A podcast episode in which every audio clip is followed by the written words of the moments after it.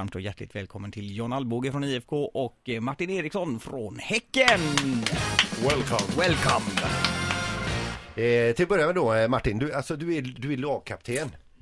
Ja, en av två kan man säga. Mm. Men berätta lite grann. För det första, att bli utsedd till lagkapten. Eh, hur, hur stort är det? eh? Eh, det är klart, det är, det är stort. Det har tagit lång tid för mig. jag är gammal nu. Första gången jag får, får äran att, att vara med där. Nej, men det är klart att det är en stor ära och att man får det förtroendet från, eh, från, eh, från tränare och eh, att de tycker att man eh, kan vara med och bidra på det sättet. Det, det är klart det är kul och eh, Alltså vem som helst blir ju inte lagkapten. Man ska ju li, lite innanför pannbenet också. ja, det är kanske det man har fått nu efter, efter några år i gamet. Så, Eh, och så eh, har vi en, en keeper här också, John Alvbåge.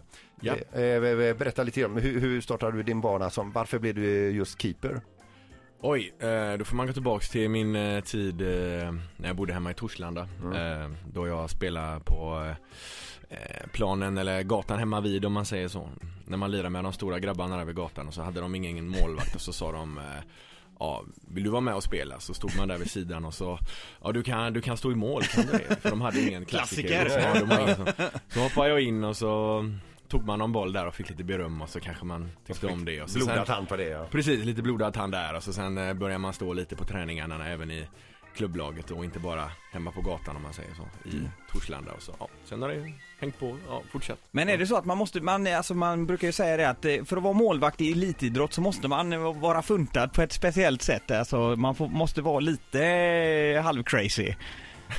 Ja, man har hört det ganska många gånger men jag vet inte. Det Eller får... tvärtom kanske, man kanske ska vara lugn och sansad. Ja, eh, jag tycker ju det att det är ju alla andra som är lite crazy. Ja. Jag menar, det är ju målvakt man ska vara egentligen tycker jag. Så hur kan man vilja vara back eller forward eller Ja någonting? precis, alla borde vara målvakt. Ja precis, det är det som är det coola. Det är ju som eh, sångaren i ett eh, hårdrocksband va? Det är ju det som är coolast.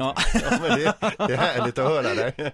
Men har du testat på att stå i mål i någon annan idrott? Eh, inte bara fotboll? Ja, när jag var riktigt ung om man säger, kanske 7, 8, 9, 10 där någonting och lite äldre än det, så stod jag i mål i handboll också. Men sen eh, började jag spela ute där, så, eh, men eh, lite grann i handboll med. Mm, men det där är ganska intressant också. Hur, alltså, hur länge höll du på med dubbla idrotter? För att det är ju många unga idag som väljer att satsa på en idrott väldigt tidigt. Eh, men hur länge höll du på med olika idrotter innan du tänkte att eh, nej, fotboll är det jag verkligen ska satsa på? Nej men jag var eh, 15-16 där så la jag av med handbollen. Tyvärr eh, kanske, för att jag, jag tyckte nästan handboll var en roligare sport än fotboll. Och det säger du Eh, nu.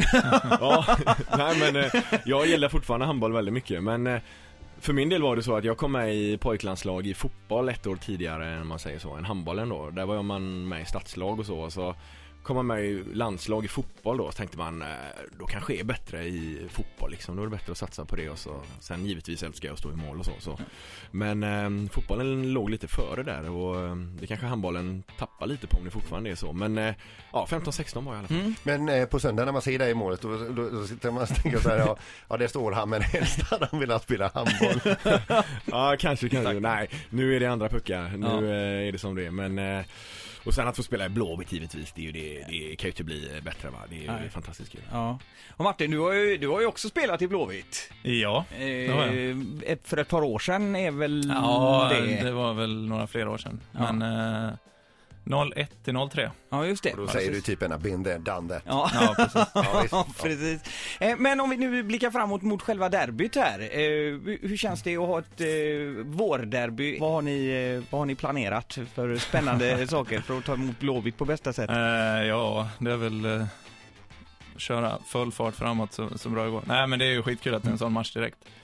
Det är klart, och nu ska vi spela på Stora Ullevi Stora får man Ullevi säga, också, eller vad man nu ska kalla alla Ja. Ullevis, jag har ingen aning. Men, men eh, så att vi förväntar oss att det, blir en, en del folk som kanske inte har fått plats på, på Rambergsvallen. Så att, eh, det ska bli riktigt kul att dra igång med en sån match. Och det, ser, och det ser ut att bli riktigt bra väder också, typ eh, som det är utanför studiofönstret idag också. Och det, är- så att det, inramningen eh, kommer ju vara eh, helt fantastisk Men förhoppningsvis. alltså, det är ju så gott att se er si- sitta här nu som, som ni satt ner i, så, ni sitter och chitchattar eh, båda två. Den ene från Häcken, den andra från IFK Göteborg. På, på, eh, på söndag så är ni eh, ja, fiender på plan så att säga. Men eh, är det, är det med, blandade känslor när ni sitter så här bredvid varandra? Ja, det slår ju, gnistor här Vi egentligen. har ett alltså. förflutet. Ja, det- Nej, skämt åsido så är det ju är väl så att man har man, man, eh, man är ganska bra polare med, med många, med de flesta faktiskt. Och var sak har sin plats. Ja, precis. Ett poddtips från Podplay. I podden Något Kaiko garanterar östgötarna Brutti och jag, Davva, dig en stor dos skratt. Där följer jag pladask för köttätandet igen. Man är lite som en jävla vampyr. Man har fått lite blodsmak och då måste man ha mer. Udda spaningar, fängslande anekdoter och en och annan arg rant. Jag måste ha mitt kaffe på morgonen för annars är jag ingen trevlig människa. Då är du ingen trevlig människa, punkt. Något Kaiko, hör du på Podplay. Därför arkadeinerna.